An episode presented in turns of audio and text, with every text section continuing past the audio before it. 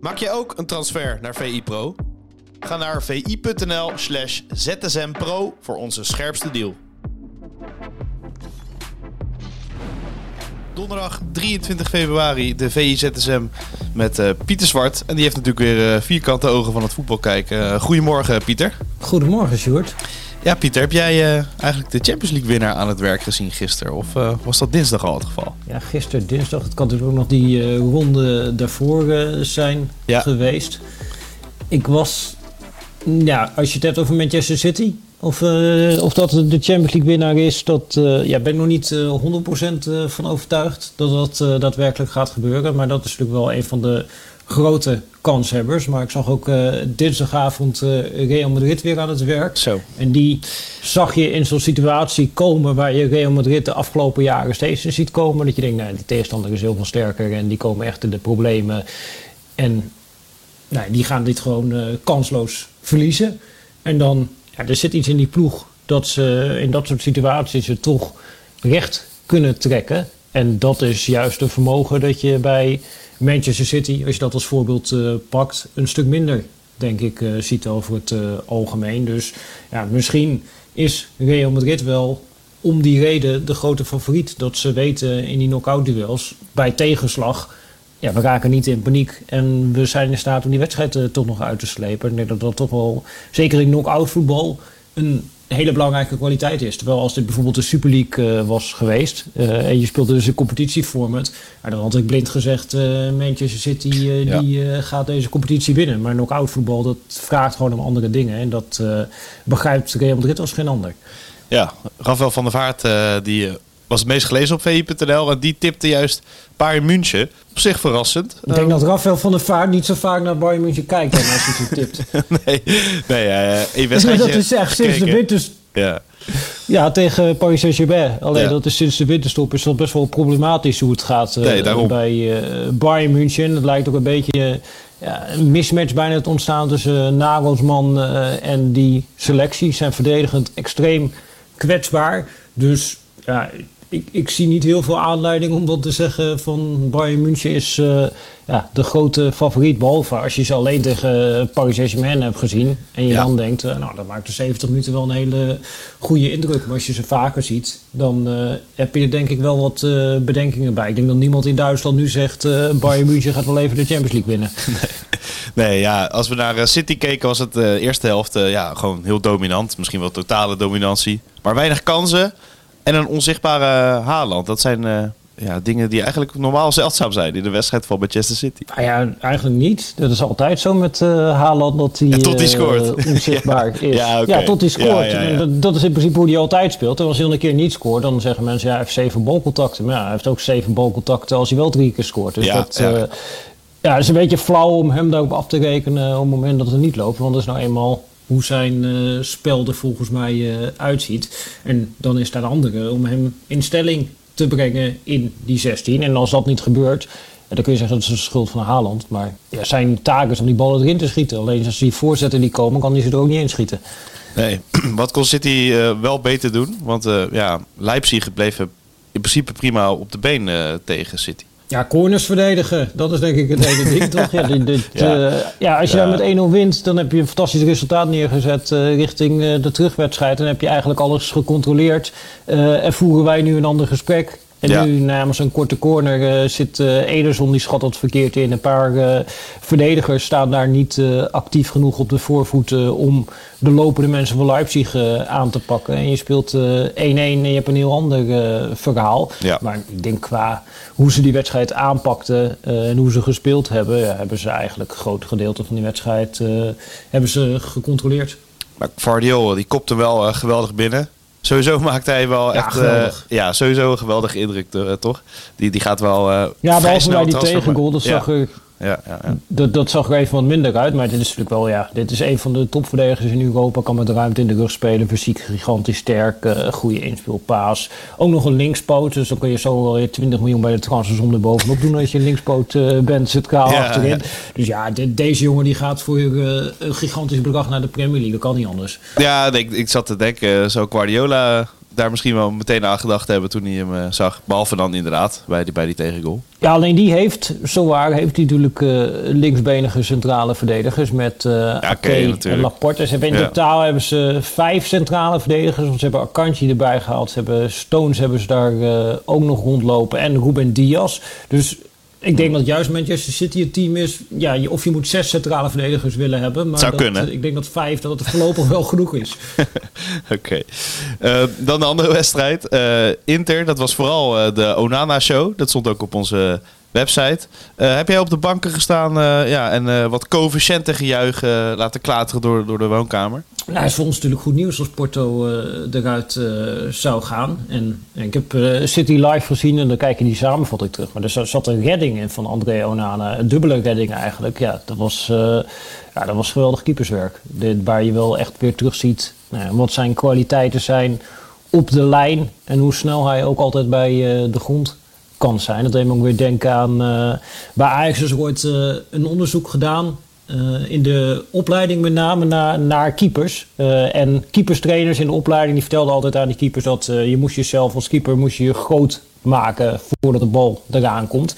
en nou, ze gingen ook Onana meten. En Onana die stond juist met zijn ja, voeten uh, heel erg gebogen, meer richting uh, de grond. En dat was precies eigenlijk de keepershouding waarvan uh, iedereen in de opleiding zei... Ja, dat, dat, dat leerde je eigenlijk jonge keepers af om op die manier te staan. En toen gingen ze meten, reactiesnelheid, hoe snel kom je bij de grond... hoe snel kun je je afzetten ook voor een hoge bal. En toen kwam er eigenlijk uit dat die houding van Onana waarvan iedereen in de opleiding eigenlijk zei... zo moet je niet keepen, dat dat de optimale keepershouding was. Dus nu ja, leren ze alle keepers in de opleiding aan wat uh, Onana doet. Maar dat zag je ook weer op dit moment uh, voorbij komen. Dat doordat hij zo laag bij de grond staat... Ja, kan je jezelf enorm goed afzetten. En dan heb je een enorme reactiesnelheid uh, op ballen. En dat was ja, toch wel weer vrij keeperswerk. En toen hij er naartoe ging, dacht je, nou ja, Handanovic ga je die eruit keepen. Maar dat heeft hij toch wel met uh, veel overtuiging voor elkaar gekregen. Gaat Inter het redden over twee wedstrijden tegen Porto, denk je? Nou ja, met deze voorsprong zou je het uh, wel verwachten. Maar ja. Ja, we zagen ook weer natuurlijk iets gebeuren. De incident, uh, in dit geval tussen uh, Onana en uh, Tseko. Er gebeurde recent ook al dat twee spelers het in het veld bij Inter met elkaar aan de stok kregen. Maar als je dit, dit soort ruzies ziet, dan denk je nou, dat, dat ja, stel dat ze op achterstand komen bij Inter in Portugal, dan slaan ze elkaar al helemaal de hersens in. Ja, en na afloop zegt hij, ah, dat hoort er allemaal gewoon bij. En dan geven ze elkaar weer wat veertjes in de, in de reet, hè, na afloop. Wat, wat is dan de waarheid? dat vraag ik me altijd wel af.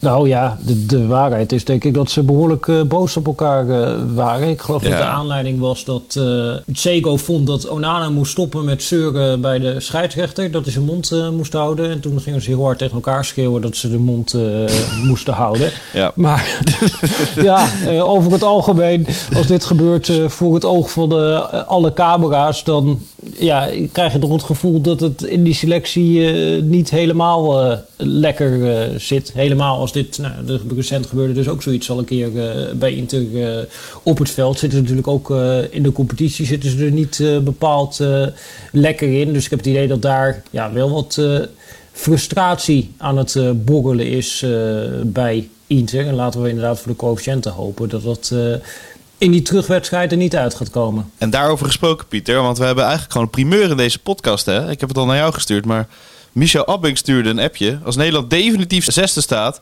moeten we eigenlijk een Polonaise podcast XXL opnemen. Nou, dat zou natuurlijk een extra reden zijn om te hopen op dat uh, tweede Champions League uh, ticket. Wat uh, Nederland dan kan afdwingen. En ja, wat dat betreft, kijk voor PSV dat ze 3-0 achterstand gaan goedmaken tegen Sevilla, dat is natuurlijk bijzonder onwaarschijnlijk. Ja. Maar stel dat PSV deze wedstrijd wint uh, van uh, Benfica, en dat bleek ook uit het uh, stuk wat Jos Boesveld daarover had geschreven op VPRO. Ja, dan krijg je er bijvoorbeeld net zoveel punten voor als dat Ajax in de groepsfase van de Champions League had gewonnen van Napoli op de coëfficiëntenranglijst. Dus nou ja, dat, ook een 1-0 overwinning voor PSV. Dat, dat betekent dan niks voor doorgaan of niet doorgaan. Maar je mm -hmm. helpt wel even het Nederlandse voetbal. Geeft nog even een setje richting die voorsprong op uh, Portugal behouden. En dat tweede ticket afdwingen. En juist natuurlijk voor PSV. Dan praten misschien ook wel meteen goed toe richting het uh, meest gelezen stuk op VE Pro. Met de financiële situatie bij PSV is natuurlijk uh, dat tweede Champions League ticket van groot belang. Dus ook als PSV niet met 3-0 wint, uh, kunnen ze zichzelf een goede dienst bewijzen door in ieder geval wel te winnen thuis van Sevilla. Zij kunnen een Champions League ticket wel echt gebruiken nu, hè? Ondanks de, de verkopen die, die zijn ge, gedaan. Dat klopt. Ja, we hebben een nieuwe rubriek op uh, VE Pro, FC Bankzaken. En daarin uh, ja, legt uh, Tom Knipping, onze financieel expert, in gesprek met Bart Vrouws uit. Nou, het idee is om de 18 Eredivisieclubs langs te lopen en de financiële situatie te behandelen. Nou, dat was natuurlijk bij PSV heel veel over te doen, die financiële situatie in de afgelopen transferperiode. Omdat twee van de beste aanvallers werden verkocht. En veel mensen zich toch afvroegen, ja, is dat nou nodig, is dat nou niet nodig? En ja, Tom die legt uh, in die video heel genuanceerd eigenlijk uit van nou, hoe staat die situatie ja, van PSV er eigenlijk voor? Hoe zijn ze daar uh, gekomen? En is er nou heel veel ja, reden tot zorg? En ja, eigenlijk wat eruit naar voren komt is dat uh, PSV met de manier waarop de boekhouding nu is ingericht, dat ze ja, heel erg afhankelijk zijn van dan wel Champions League inkomsten, dan wel een grote verkoop om zwarte cijfers te schrijven. Uh, omdat ze gewoon werken met een heel groot uh, exploitatietekort. Dus ja, als je dan op een gegeven moment een tweede ticket uh, beschikbaar krijgt, ja, dan wordt de kans natuurlijk veel groter dat jij die Champions League groepsfase weer gaat halen. En dan hoef je niet ieder jaar je beste speler te verkopen of je twee beste spelers te verkopen. Dus ja, langer termijn ja, is dat voor PSV natuurlijk van gigantisch belang.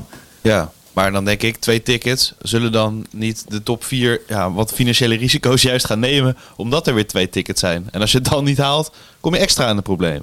Dus er zit ook weer risico's nou, dat aan. Dat is natuurlijk heel interessant. Ja, ja zeker. Dat wordt uh, heel interessant. Van, nou, hoe ga je daar dan vervolgens als club uh, op reageren? Dat geldt natuurlijk ook voor uh, AZ en Feyenoord. Ajax neemt natuurlijk ook al gigantische risico's in de ja, financiële huishouding, uh, aanvallend begroten noemen ze dat dan in uh, Amsterdam. Mooi. Ja, en, maar dat betekent ook dat als het een paar keer uh, misgaat, ja, dat, dat in één keer het geld, ja, wat, wat er nu tegen de plinten klotst, dat het ook weer razendsnel dat het op kan zijn.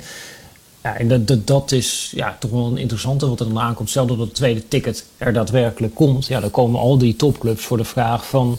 hoe ga je daarop uh, anticiperen? Durf je alvast uh, voorschot uh, te nemen? En ik durf hier ook al vast te voorspellen. Kijk, de voetballerij is natuurlijk zo opportunistisch als het maar zijn kan.